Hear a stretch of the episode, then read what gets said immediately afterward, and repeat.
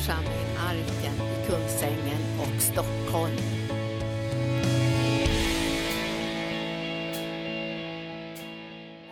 Jesus, vi vill bara tacka dig och prisa dig. Tack för att det inte är ute med oss Herre, utan tack för att det finns nåd Herre. Det finns framtid, det finns hopp Herre, som du borgar för Jesus. Prisa dig Herre. Tack Jesus för var och en som har kommit idag. De kunde ha valt att vara någon annanstans Herre, men de är här nu oss Herre, på något plan i våra liv. Eh, ditt ord bär inga bojor Herre, utan det kommer in i våra liv och det löser upp bojor istället. Tackar dig för det Herre. Vi öppnar våra hjärtan på vid gavel för att ta emot ifrån dig. I Jesu namn. Och allt folket sa Amen, halleluja. Härligt att se er. Ja, det var en som tyckte detsamma. Ja, fint, amen, härligt. Vi ska ha en fin eh, dag tillsammans här och vi har ju en fin dag där ute. Och jag, jag, jag, bara måste säga tack ska du ha för att du har kommit idag den här eftermiddagen. Jag håller på att säga att jag skulle inte kommit själv om inte jag... Nej då.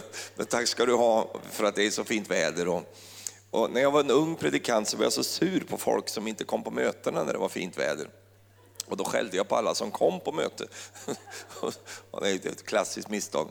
Men nu när jag blivit äldre och när jag också inser att vi har ju inte så fint väder i Sverige och de få dagar vi har det, ja då är det klart att vi har möten. Det brukar vara lite sådär. Men, men, eh, så då är det ju så extra fint att du har valt att komma hit och, och jag kan garantera det, vi har bättre väder här inne än vad vi har där ute. Här lyser en annan sol. Och den solen den, den, är, den är underbar och hans namn är Jesus. Hans ansikte lyser som solen i dess fulla kraft. Halleluja. Underbart. Och du behöver ingen solskyddsfaktor när du har med Jesus att göra. Amen. Underbart. Nu ska du bedja för min röst här för att jag har på något sätt förstört den. Men den, den håller på att repa sig lite, men problemet är att jag har möten hela tiden så den repar sig och sen förstör jag den igen och så håller jag på sådär. Och jag får liksom inget av de där extra dagarna där jag eh, behöver ladda upp den där. Men nu har jag faktiskt fem dagar framför mig här så nu ska jag eh, verkligen rehabilitera rösten. Amen. Men det går nog bra det här ska vi se. Jag drack en liter hostmedicin här innan jag kom så, så kanske jag får göra andra saker än har problem med rösten. Eh, den här, eh, vi har två möten nu, vi har ett möte nu och sen har vi ett senare sen. Jag tror nog någonstans att de vävs samman de här mötena, de går liksom lite i varandra. Eh, och, och, så jag hoppas att du är kvar också ikväll. Men jag, jag stod lite i valet och kvalet vilket jag skulle börja med. Om jag skulle börja med det jag nu ska börja med eller om jag skulle ta det andra. Men det spelar egentligen ingen roll för vi är ju här tillsammans. Ehm, men jag skulle vilja dela lite tankar med dig eh, om eh, utifrån en bibelhändelse.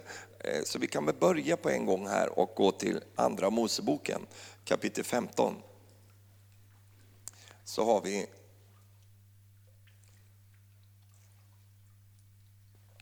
en intressant berättelse här. Så du känner till den här om du har läst din bibel, du har hört säkert budskap om det här också, eh, om du går på möten och så.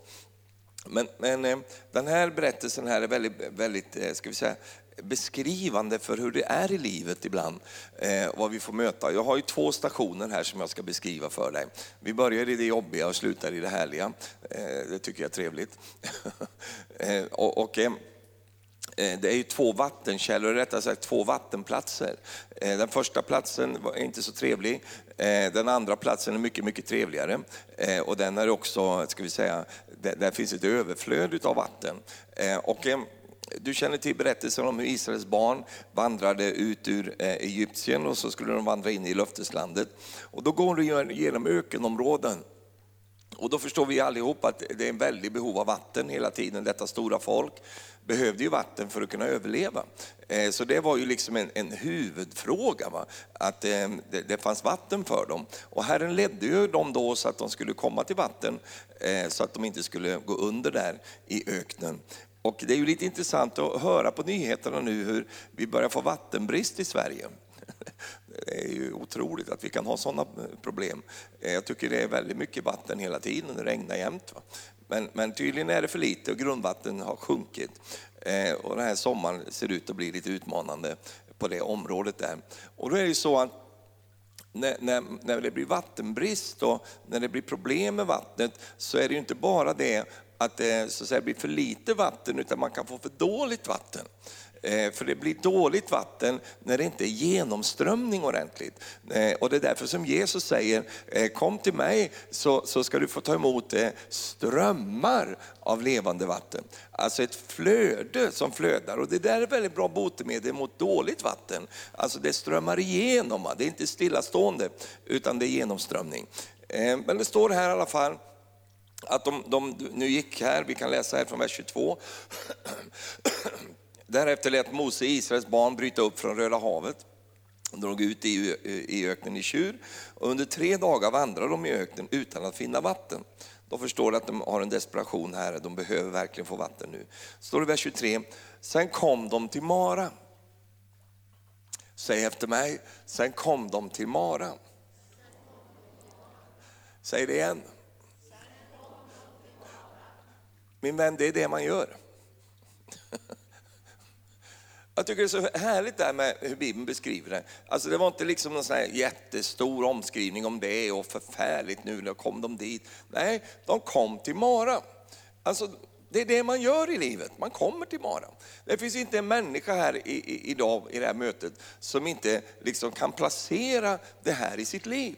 Alltså, vi har alla varit vid Mara, även om det inte är liksom en, en fysisk plats för dig och mig, eh, utan det är en, en, plats som vi hade en förväntning på skulle vara sött, men det blev bittert. Mara betyder bittert. Eh, och, och, Det står att de, de, kunde inte dricka vattnet där, därför att eh, vattnet var bittert, beskt eller i värsta fall förgiftat. Va? Det, var inte, det var otjänligt, man kunde inte dricka det där vattnet där. Ehm, och, och eh, när, när, när då Bibeln talar om det här så gör Bibeln det liksom inte så väldigt dramatiskt. Det kan vara en väldigt dramatisk känsla för oss när vi går igenom svårigheter och sådana saker. Men min vän, det liksom ingår i livet. Mara, nu, ja, Mara är en del av resan. Jag får inga amen på det, men det, det, det, vi får jobba oss igenom det helt enkelt. Mara är en del av resan.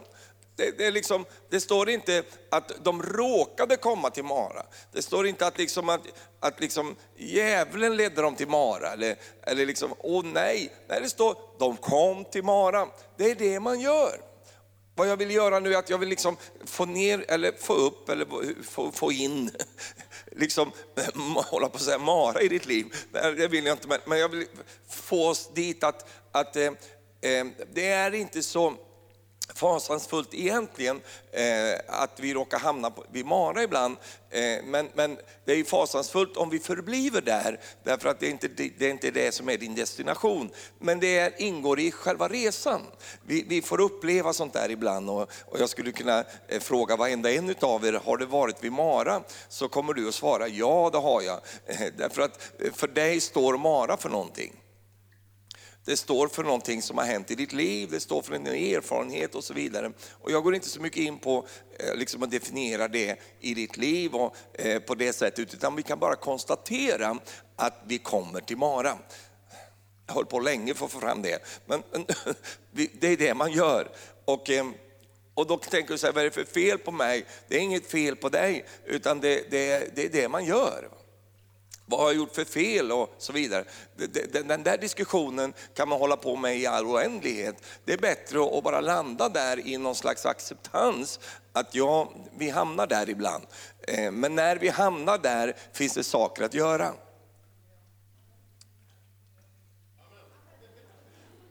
Halleluja. Så kom de till Mara, de kunde inte dricka vattnet där för det var, var förgiftat. Eh, de eh, kallade platsen för Mara. Då knotade folket mot Mose och sa, vad ska vi dricka? Men han ropar till Herren och Herren visar honom ett slags trä. Så kastar han det i vattnet och då blir vattnet sött. Där förelade han folket lag och rätt och han satte det på prov. Han sa om du hör Herren Guds röst, ska noga lyssna till hans bud, så håller han stadgar så ska inte lägga på dig någon av de sjukdomar som jag la på egyptierna. Att jag är Herren din läkare. Vers 27. Sedan kom de till Elim. Där fanns det 12 vattenkällor och 70 palmer och de slog läger där vid vattnet. Eh, distansen mellan Mara och Elim är ungefär 2,5 mil. Eh, så det är inte jättelång distans mellan de här två platserna. Eh, men det kändes nog ganska långt, eh, eller eh, liksom Eh, onåbart när de var vid den första platsen. Men de kom till Elim också och det, du förstår ju hur jag lägger upp mina budskap. Eh, jag är en enkel kille va? Eh, och jag lägger upp det på det här sättet. Efter Mara kommer Elim. Tack och lov. Ja. Jag har varit på faktiskt ganska många församlingar, många, många, men jag har varit på flera församlingar som heter Elim. Jag har aldrig varit i en församling som heter Mara. Det kanske de borde heta, men, men, men, men, men, de heter inte det, utan det är ingen som vi vill kalla för Mara. Va? Eh, välkommen till Mara, nej, utan man vill gärna säga välkommen till Elim, för det står för någonting positivt, det står för någonting som har med liv att göra, det står för någonting som har med tillväxt att göra och så vidare. Det fanns tolv vattenkällor där, det fanns tolv stammar i Israel. Varje stam fick sitt, fick sitt eget vatten, eh, vattenhål eller vattenkälla. Eh, så det står för att Gud förser, va? Gud tar hand om det här. Och eh, vi, vi, vi liksom har en erfarenhet med Mara, men, men vi kan också ha en erfarenhet med Elim. och jag, vill liksom hålla på lite grann mellan de här två sakerna här. Visst skulle jag kunna säga rent profetiskt att du kommer till Elim, det kan jag göra därför att jag tror på Guds ord.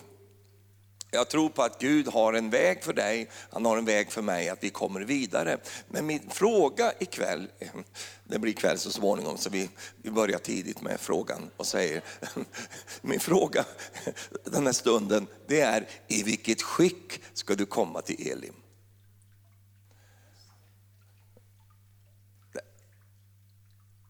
Det rinner vatten där borta, fantastiskt. Det är en vattendag idag. I vilket skick ska du komma till Elim? Därför att Guds folket kommer till Elim. Och vi kommer dit som menighet, vi kommer dit som, som folk och du kommer dit också. Men min fråga till dig, kommer du våga dricka vattnet vid Elim? Kommer du liksom eh, kasta dig i vattnet som du gjorde första gången? Eller har det hänt någonting med dig som gör att du har blivit begränsad när det gäller de här tingen? Det är det här jag vill jobba med idag tillsammans med dig. Eh, därför att det händer ju någonting här vid Mara. Eh, när man då smakar det bittra vattnet, man får uppleva någonting som, man hade en förväntning på någonting annat, men, men, och så blev det liksom bittert och, och det blev sådär. Eh, och, och, du känner till det i ditt liv. Då är det ju så att eh, kanske den främsta reaktionen vi har som människor, och det är ju en överlevnadsteknik, va? det är ju att vi tar oss vidare. Va? Vi går, jag kan ju inte vara här, vi sticker härifrån, vi kan inte vara här, fy liksom. Eh, en sur relation eller en jobbig, eh, destruktiv sak i, i mitt liv och jag, jag måste bara ta mig härifrån. Det är det första man ofta tänker på, det är det mänskliga perspektivet, det är överlevnadsperspektivet, att vi, vi försöker överleva på det genom att fly bort ifrån det som gjorde ont. Va? Din kropp fungerar ju så också, att om du gör ont så, så kommer din kropp att liksom genast försöka dra undan det där eh, eh, liksom som, som åsamkade smärtan eh, och så vidare. Och, och det, är, det är mänskligt att vi gör så. Men Gud vet hur vi fungerar. Han vet att det händer något mer i oss än bara det som händer mot oss. Alltså, även om jag får uppleva det där så, så, kan det vara timligt. Alltså, det är något som händer vid en tid och en punkt i mitt liv. Men det, det finns en fortsättning som kan också ha en effekt i mitt liv om jag inte får uppleva ett under vid Mara. Kom ut.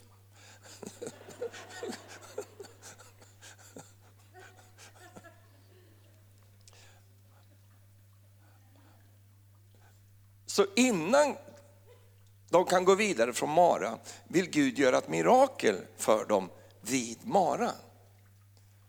Och då har ju Moses eh, som, som, som, sin eh, vana, eh, som han hade att gå, gå, till Gud när det blev problem, ganska bra vana. Eh, så han gick till Gud när det blev problem och Gud visar honom ett slags trä. Och så slänger han den träpinnen i vattnet. Och, och nu är inte jag en vattenreningsexpert, men, men jag, jag tänker nog så här, att, att, slänga träpinnar i vattnet, det tror jag inte har någon större effekt när man ska rena vatten. Eh, har du prövat det någon gång? Du slänger en träpinne, en glasspinne eller något sånt där och, och tänker att nu blir vattnet eh, liksom renat här. Det är liksom, man gör inte så. Utan man, man gör andra saker, man, man ser till att få genomströmning, man filtrerar, man lägger in kemikalier och man håller på med allt möjligt. Det finns ju sådana här reningssystem och allt det där. Eh, därför att eh, eh träpinnar i vattnet, det gör ingen skillnad. Det kan ju till och med förvärra den där... Eh, ja, och så. Men, men, men Moses, han, han, Gud visar honom ett slags trä och så slänger han ner det träet i vattnet och då blir vattnet sött, står det. Så det gick att dricka det. Och det här är eh, liksom eh, vittnesbördet om evangelium. Det här är ju, det där träet det står ju för korsets eh, verklighet. Eh, det finns ett annat slags trä, det finns en försoningsakt, det finns något som Jesus har gjort och när det placeras i det bittra i våra liv, då får det samma effekt, det vill säga det bittra kan bli sött. Halleluja. Och, och det är ju också den här liksom dårskapen som finns i, i, i korsets budskap. Dårskapen som finns för, för människor som inte liksom, eh, sätter sin tro till detta, så tänker vad är, hur ska det kunna hjälpa mig? Han som hänger där uppe, jag har ju problem med min relation med min fru eller min man. Hur ska det kunna, det har ju ingen koppling egentligen, men det har det. Det har en väldigt stor koppling och när vi sätter tro till detta evangelium så kan underbara saker hända. Halleluja. Vi vet inte riktigt hur det där går till och det visste inte Mose heller när han slängde ner den där träpinnen där i vattnet. Men det skedde ett mirakel där och vattnet blev sött så att de kunde dricka det söta vattnet. Det var det sista de hade som smak i munnen när de gick ifrån Mara. Varför är det viktigt för? Jo, det är viktigt därför att när vi går vidare sen, vad har vi för smak i munnen? Vad är det för liksom eftersmak av händelsen jag har gått igenom? Om jag bara springer vidare så kommer jag ju vidare, det, det, gör jag. Jag kan komma in i en ny relation, jag kan komma in i något nytt i mitt liv. Men risken är väldigt stor att jag har med mig någonting, en smak, en eftersmak, en, en, en känsla som gör någonting med mig. Och Gud vet det. Det är inte det att han vill att du ska dröja kvar vid Mara och plågas där. Utan han vill bara hela dig, han vill befria dig, han vill lösa dig. Så att du inte blir, ska vi säga begränsad av den erfarenhet du har i ditt liv.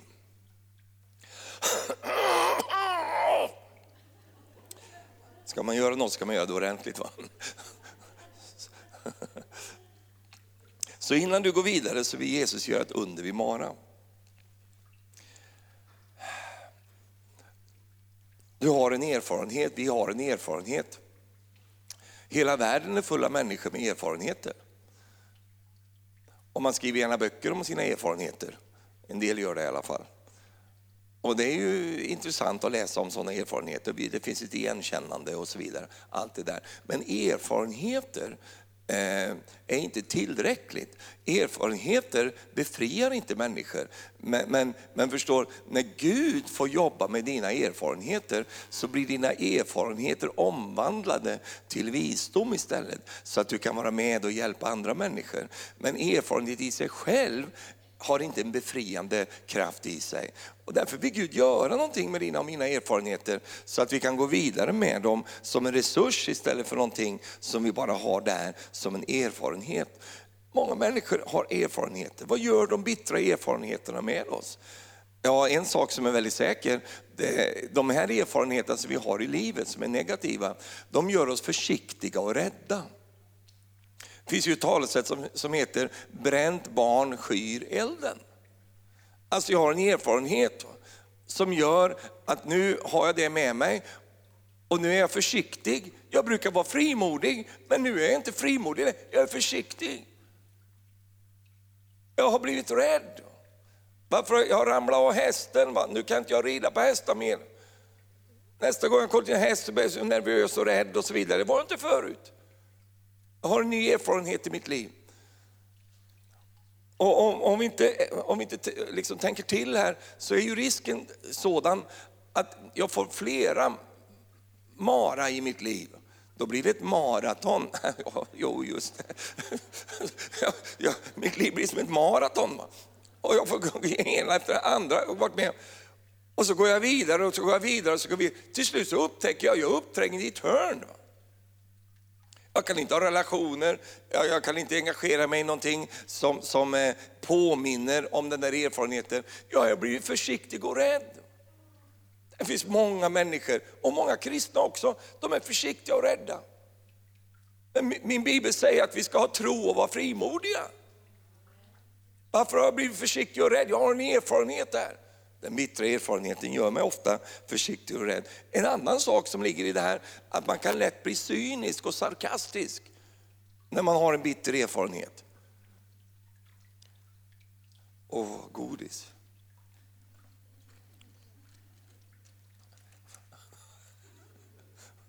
Den är blå. kan bli bitter och cynisk. Har du tittat på Mupparna någon gång? För länge sedan, ja, jag förstår det, för det var länge sedan det gick det där. Men jag tittar ut över den vackra publiken och jag ser att det här är mupp-generationen.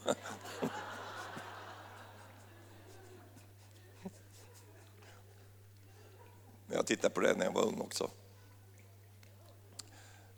Du vet Mupparna, den här Kermit och Piggy, den här grisen där och Kakmonstret och, och den där som spelar trummor som en galning där.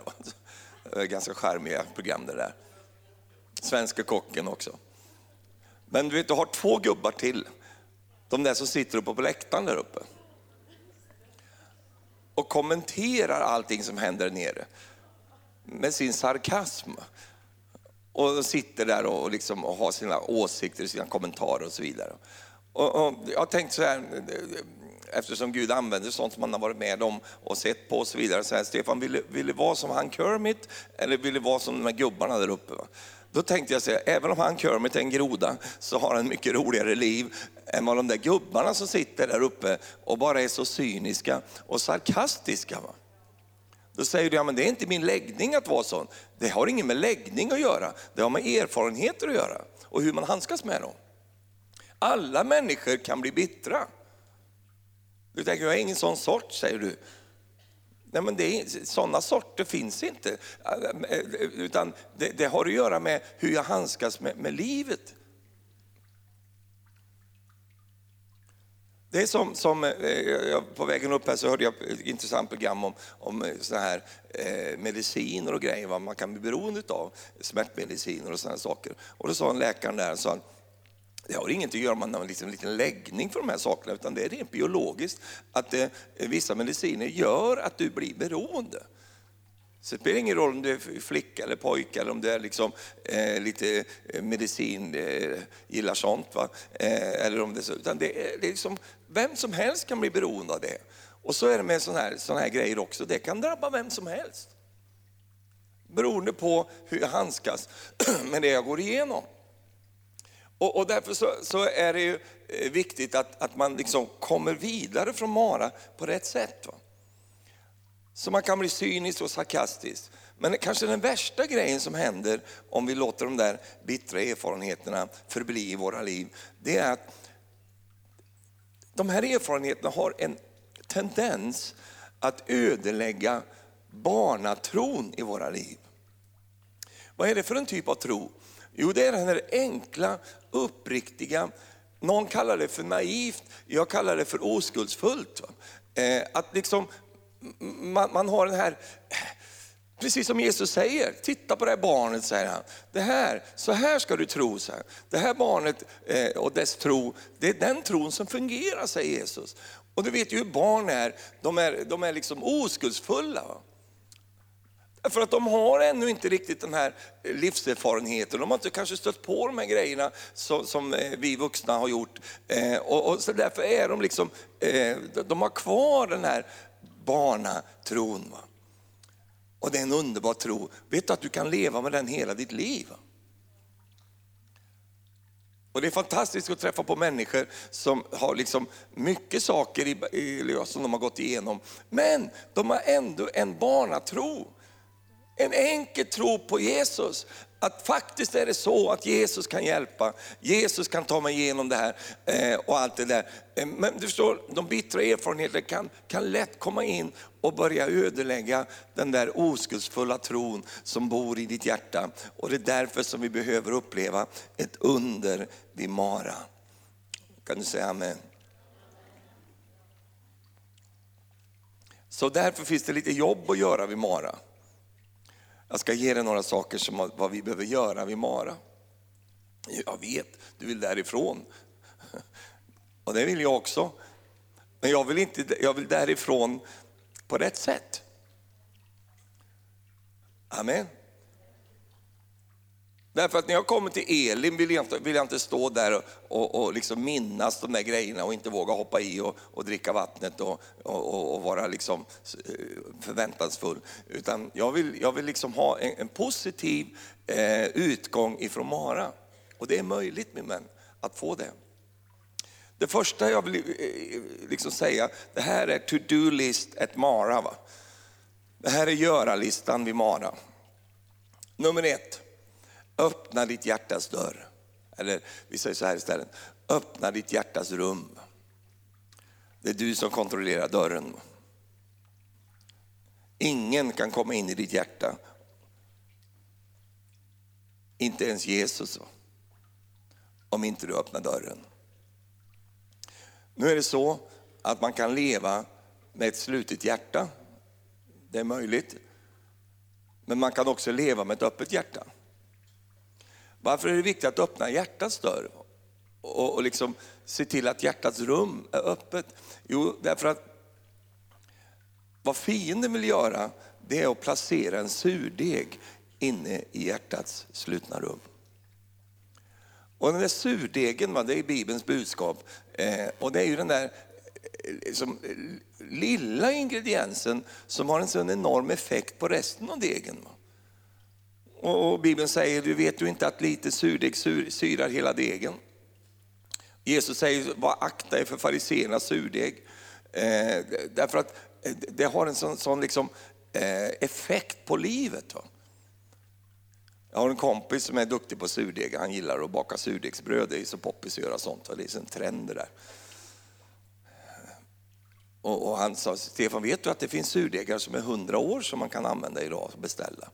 Hundra år gamla surdegar som fortfarande fungerar. Du kan beställa surdeg från Tyskland och eh, surdeg från Frankrike och du kan beställa dem och skicka dem, kommer med posten och så kan du baka specialgrejer och hålla på. Det är en hel vetenskap det där. Men det är ju också ett bibliskt budskap att eh, se till att det inte finns en surdeg där utan att vi får vara en osyrad deg eh, som inte har den där den där ingrediensen på insidan som liksom tar över hela livet. Va? Och därför så vill Gud att vi ska ha en ett öppet hjärta så att Gud kan komma åt eventuella surdegar. Då säger du, jag har ingen surdeg. Det är talat till fel folk. Nej, men din gubbe har ju surdeg. Nej, det har han säkert inte. Men återigen, vi är potentiella kunder allihop här. Som kan börja odla grejer i våra liv. Och då är det så att Bibeln säger, av allt du ska bevara, bevara ditt hjärta, ty därifrån utgår livet. Va? Och, och fienden vet att kan han placera någonting där inne i hjärtat eh, som har den där eh, organiska förmågan att liksom ta över och börja liksom genomsyra resten av livet, ja men då, då räcker det för honom att han placerar det där. Sen gör det sitt eget jobb. Och du och jag har en skyldighet att, att, så att säga, vaka över vad som pågår i hjärtat. Och vi har en skyldighet att se till att vi får in rätt saker i hjärtat och får ut fel saker ur hjärtat. Och för att det ska kunna ske så måste jag ha ett öppet hjärta. Jag brukar använda det när jag talar om det här, och jag brukar använda det som, som, som möter lärjungarna när de eh, kommer till graven där Jesus låg. Jag tycker det är fascinerande den berättelsen där. De kommer till en öppen grav. Ja, vem är det då? Ja, men det är ju det är makalöst. Va? De kommer till en öppen grav. Och det, det, det, blev ett litet problem för dem också därför att då, då, då, då frågar de ju då ängeln där och det, var många, det är lite olika versioner på det här. Frågar, vem är det som har rullat undan stenen? Va? Och det sitter en ängel uppe på stenen där och han säger till varför söker ni den levande bland de döda? Han är inte här, han är uppstånden. Hur skulle de få reda på det då? Jo, de fick gå in genom den öppna graven. Varför lämnar Jesus sin grav öppen? Ja, men det är ju enkelt Stefan, han hade ju inte kommit ut annars. Nej, men, men vänta, backa bandet lite här. Vadå inte kommit ut? Tror du att, jag menar, tänk, var med nu, jag har en väldig fantasi. Jag vet. Här Jesus, han står upp från de döda, kommer upp i graven eh, och levande där och så ställer han sig upp där. Nej. Vem har rullat för en blockerad ingång där? Nu kommer jag inte ut. Vi vet ju att det inte är så därför att Jesus han kom genom väggar och grejer. Han hade inga problem med det. var inte för hans skull att den stod öppen. Stefan, det har jag aldrig tänkt på förut. Nej, jag har tänkt för det här nu. Det var ju inte för, liksom, grejen var ju inte den, den måste stå öppen annars kommer inte Jesus ut. Utan Jesus han, han är obegränsad på det sättet. Han, kan, han rör sig, liksom, han, han, han råder över elementen. Så det är inga problem för honom. Men varför står den öppen då? Jo, den står öppen för hans vänner. Så att de skulle kunna gå in och få rätt information om vad som hade hänt här. Annars hade de blivit lämnade i spekulation och stå där och fundera, är han där inne eller inte? Vad liksom, hur gör vi nu? Vad tar vi? Då fick de i alla fall en sak i handlingarna, han är inte här. Så vi kan bara sluta hålla på och leta här, han är ju inte här. Gå in och kolla får du se, han är ju inte där inne. Så då fick de en hjälp att ta sig vidare. Va? Och jag har tänkt så många gånger på det, att på samma sätt bör du och jag leva med våra hjärtan. Att det finns en, öppen, eh, en öppenhet där. Nu vet ju jag det, att det där är ju inte lätt att leva med. Det är mycket lättare att leva med ett slutet hjärta. Men det är mycket sämre, därför att om jag lever med ett slutet hjärta, då, då, då, då, då, då liksom förminskar jag Guds möjligheter att kunna hjälpa mig. Därför att det står ju så här, se jag står utanför dörren och klappar. Vilken dörr är det? Ja, det är ju hjärtedörren. Om någon lyssnar till min röst och öppnar dörren, då ska jag gå in och hålla måltid med honom och han med mig. Då måste vi ta mod till oss och våga öppna den där dörren. Det vet jag är jättejobbigt för en del människor. För, för, för du har grejer där på insidan som, som smärtar det kanske och gör det jobbigt. Men, men det enda sättet att få ut det där, det är att få nåd och mod att öppna upp där. Ja men det är kanske är ett monster där inne. Ja men monster brukar försvinna när det blir ljust. Ut med det bara. Jag tänker på den här sången, du har hört den kanske någon gång. Det är ju han som sjunger den lite grann, är speciell, men eh, Torsten Flink. Ja, men, men han ska bli härligt frälst. Men, men han sjunger den här sången, jag blir så tagen av det varenda gång. Då sjunger han just om det här som jag delar med dig nu. Och nu är ju inte det här en kristen sång, så att, eh, men jag ska ändå eh, jag tar mod till mig och, och läser texten här, för den är väldigt bra så skriver han så här. Och det här handlar alltså då om en pojk som aldrig haft kontakt med sin pappa. Va? Och som aldrig fått uppleva liksom den där kontakten. Va? Eh, och det, det, har varit lidande genom hans liv. Så skriver han så här, det är så typiskt på sitt sätt att jag kom hem för sent igen. Jag gjorde aldrig någonting rätt. Jag gav väl upp för länge sedan. Jag tar min första cigarett i det som en gång var mitt hem. Och jag ser skuggan av en pojke. Han står darrande och stum vid ditt hjärtas slutna rum. Och då är det pappan han tänker på. Men jag har märkt att år från år så ser jag mer av dig i mig. I allt jag gör finns dina spår fastän jag fåfängt värjer mig. Det är så typiskt dig att gå när jag nu vill fråga dig. Där står en liten pojke, han står darrande och stum vid ditt hjärtas slutna rum. Vill du höra resten? Du var så länge denna bild av allt jag inte velat vara. Så det känns konstigt att jag saknar dig idag. Det tog väl 20 år att inse att jag felat också jag. Men det är svårt att helt förlåta att du låtit mig stå stum vid ditt hjärtas slutna rum. I en låda på ditt bord, där står ett brev du aldrig sänt. Där några valhänt skrivna ord ställde dörrarna på glänt. Och där av ljuset tydliggjort, där står en man jag aldrig känt.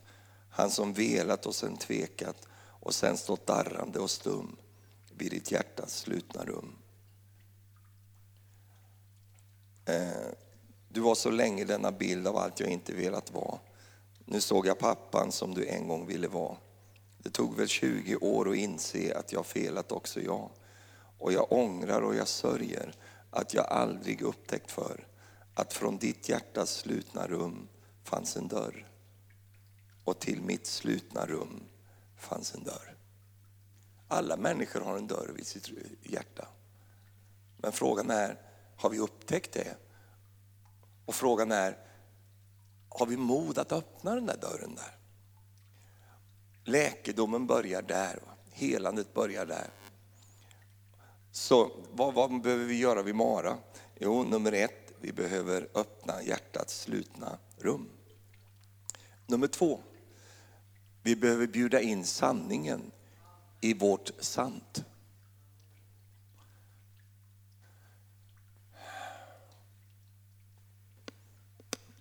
Oj, det var en hårda grej jag fick. En plomkiller.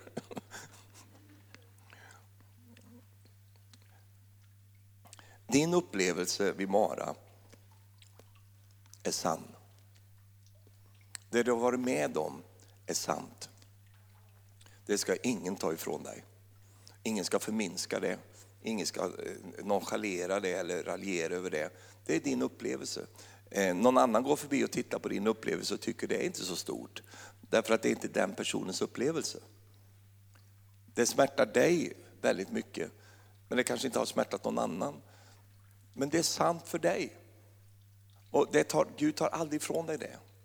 Det är viktigt att du får liksom, eh, möta både respekt och, och, och medlidande för det som är sant i ditt liv. Men även om det är sant så är det inte sanningen. För sanningen, det är någonting som endast Jesus kan leverera. Och när du bjuder in Jesus, sanningen i ditt liv, då kommer det som är sant, det kommer att kompletteras med hans sanning. Alltså jag tycker faktiskt jag predikar bättre än vad du ger svar till. Va?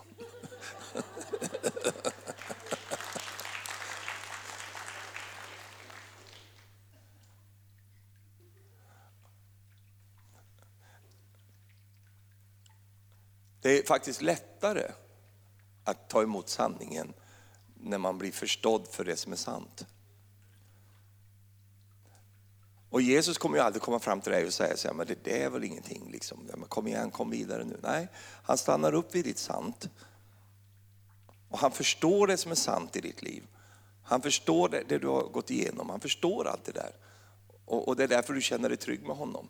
Men han vill leda dig in i sanningen. Därför att om vi vänder på, på steken då. Det som är sant i ditt liv behöver inte vara sant i någon annans liv. Din erfarenhet delas inte av alla andra. Men det är din erfarenhet. Det betyder inte att liksom, han eller hon som, som, som så att säga, du, du, du relaterar till eh, förstår din erfarenhet. Varför? Därför att det är inte den personens erfarenhet, det är inte den personens sant. Sant blir då begränsande för mig om jag tänker att det är sanning.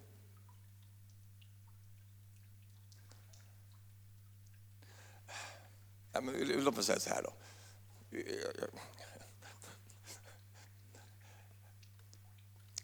Du trodde att du hade gift dig med en prins, va? men det visade sig vara en gris. Va? Och det kanske är sant va? för dig. För han, han, han betedde sig som en prins tills han fick vad han ville. Och sen så förvandlades han, han gick igenom en, en metamorfos. Han gick igenom en förvandling. Och helt plötsligt upptäckte det var ingen prins, det där var en gris. Va? Han bara låter och luktar. Liksom, jag har fått in en gris i huset här. Va? Och då är det sant kanske. va?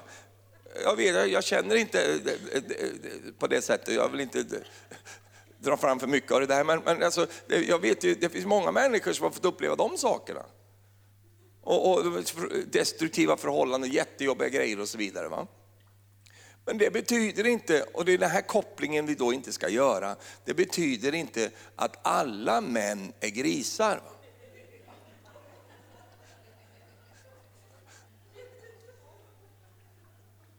Därför att det finns många kvinnor som, som kanske fått förakt för män och får förakt och, liksom, och så vidare. Det, finns, jag men det, det är ju bara att lyssna på TV, det bara hör, hör vissa agitatorer som håller på och så vidare. Och då tänker jag så här, du har ett sant i ditt liv som du har gjort om till en sanning. Nu är hela världen är full av grisar. Va? Avsky män. Va? Och så vidare. Jag drar ut det här lite grann. Va? Och nu ska vi ha ett jämställt möte, så då vänder jag till, till männen också. Du trodde du hade gift dig med en drottning, men det visade sig vara en höna. Va? Du hann inte mer än ta dig igenom bröllopsnatten för som började låta som en höna. Va?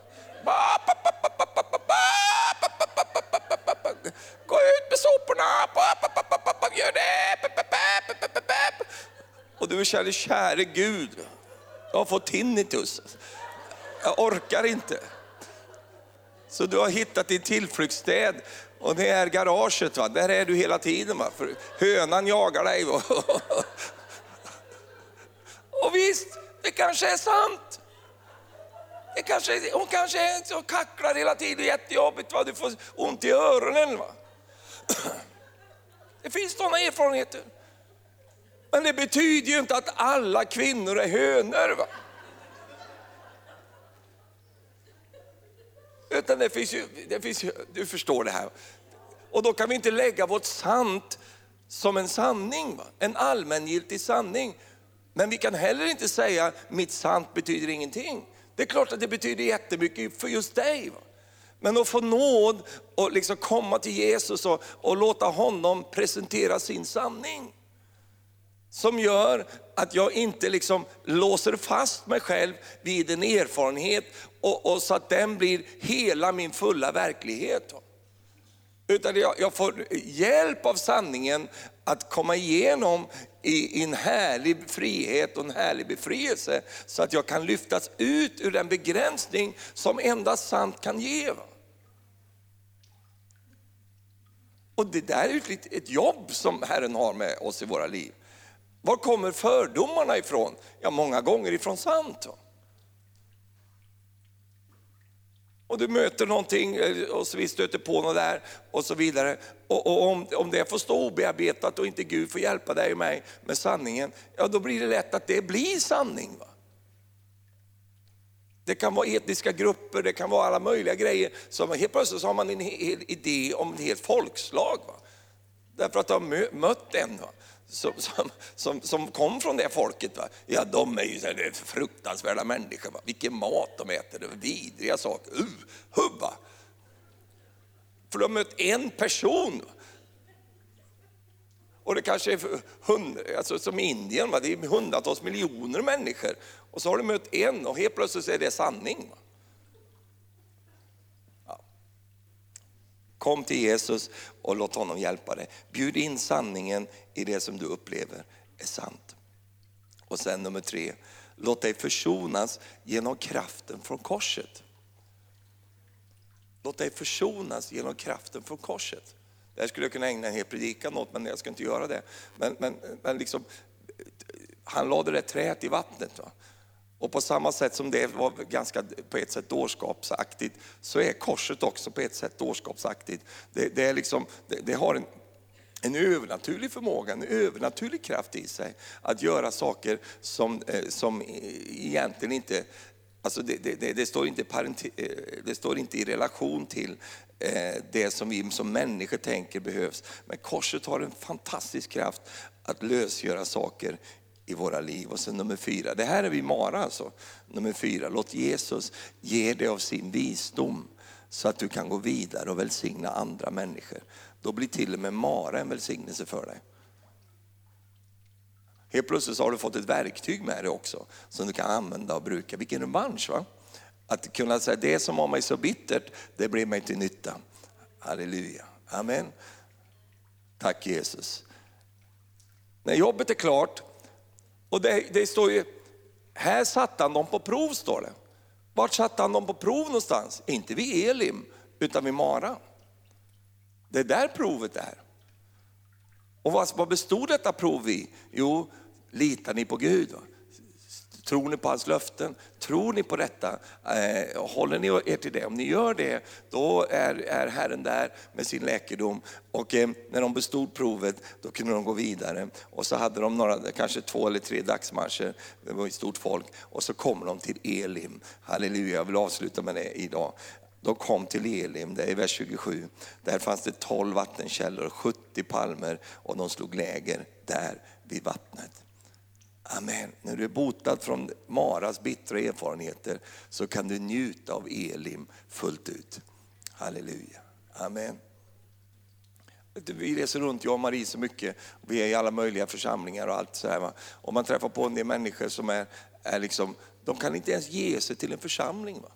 För de har så mycket Mara. Det är så mycket erfarenheter där, det var så mycket jobbiga grejer. Och därför då, även om den församlingen är en Elim-församling, det är en vattenrik trädgård, men de står där liksom vid sidan om, är försiktiga och rädda. Eh, och, och, och, så de som är cyniska och sarkastiska, de kommer ju inte ens till mötena. Eh, men så står det, Åh, jag kanske inte vågar, liksom ett jobbigt. En del människor vågar inte gå in i en ny relation, vågar inte ta de där stegen. Därför att Mara är fortfarande så, så, så liksom påtagligt i deras liv. Och även då om de står i nya förutsättningar, så har de ändå inte modet där. Jag kan se som i min inre bild. Jag ser människor som de står där, det är friskt vatten nu, det är fräscht här, det är härligt här, det finns för alla. Och, och sådär. Men ändå står de vid kanten och nej, jag vågar nog inte hoppa i det. Varför då? Därför att det är inte färdigt vid Mara än. Då vill Gud göra sitt arbete, göra sitt jobb där. Och du säger, hur lång tid tar det då? Ja, det tar inte så lång tid om man bara liksom gör de rätta grejerna. Öppna upp hjärtat där. Låt Herren få liksom komma med sin sanning in i ditt liv. Låt, låt liksom korset få göra sitt verk. Det kan gå ganska fort så jag lägger ingen tidsaspekt på det. Men det behöver bli gjort. Det är själva poängen med preken här, predikan idag. Mycket i Norge. Vet du. Det är, det är liksom själva poängen. Va? Det är att det måste bli färdigt. För jag bara känner rent profetiskt, att det, vi, vi, vi, håller på att gå in i Elim nu. Va? Den här församlingen, den är, den är på väg in i Elim. Halleluja. Amen. Där det är överflöd. Va? Och där det finns vatten för varenda en. Varenda stam kunde ju liksom eh, njuta av det där. Det fanns gott om saker och ting. Och de där 70 palmerna som, som de kunde liksom, eh, ta skydd för solen när den var för stark och allt det där. Underbar plats, en oas. Va? Halleluja. Amen. Vad var det för folk som kom till Elim? Jo, det var ju de som hade varit vid Mara. Amen. Det gled inte in några nya människor som inte, som från sidlinjen där kommer, som inte har någon, nej det är ju Mara-folket som kommer till Elim. Jag säger det bara för att säga det till dig, det är hopp för dig. Va? Du säger, ja, jag har smakat så mycket Mara. Ja, vad fint, det är bara sånt folk vid Elim.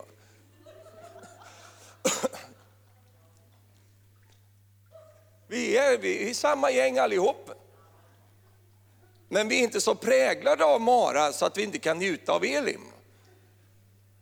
Utan vi har nya förutsättningar för vi har gått med Jesus i det där och han har hjälpt oss, halleluja. Och vi sätter upp en trampolin där vet vi, någon och hoppar och studsar och dyker i och grejer. Och, och, och, därför att vi är inte brända av våra gamla erfarenheter. Amen. För vår barnatro är fortfarande intakt. Halleluja. Kan du säga amen till detta? Amen, underbart. Tack Jesus för att vi får gå till Elim. Amen. ett underbart Elim som väntar och, och det, det ska vi in i. Halleluja. Jag känner att det är inte långt borta. Eh, någon redan njuter av det i dess fulla drag. Eh, och, och, och Gud vill verkligen det för oss allihop. Halleluja. Amen. Åh Jesus, vi prisar dig och vi lovar dig. Nu Jesus så ser du var och en som är här idag. Du ser var var och en befinner sig i livet Herre. Du ser vad, vad som kan ha hänt och vad som händer. Men Jesus, tack för att vi inte behöver liksom bosätta oss vid Mara Herre. Utan vi kan få nåd att gå vidare tillsammans med dig. Vi vill vi göra eh, det vi behöver göra vid den här platsen Herre. Vi vill inte vara bittra, besvikna, vi vill inte vara sådana, ingen av oss vill det. Eh, utan vi vill vara eh, på det sättet som, som du önskar Herre. Så nu tar vi det som är sant i våra liv och så lägger vi fram det hos dig som är sanningen. Åh Jesus, här har du det Herre. Och vi ber att du, du bara kompletterar det som vi har i våra liv med det du har i ditt liv Herre. Vi tackar dig för det Herre. Så ber vi för eftermiddagen nu och kvällen Herre. Tackar dig Gud för att du vill göra under och mirakler i våra liv. I Jesu namn. Amen. Halleluja. Titta på din vän som säger så här, och säger så här. De kom till Mara. Men de kom också till Elim. Du kommer till Mara. Säg det, det vågar du knappt säga. Säg det, du kommer till Mara. Men du kommer också till Elim. Amen, halleluja. Tack för att du har lyssnat. Vill du få del av mer information om församlingen Arken, vår helande tjänst, bibelskola och övriga arbete, gå in på from.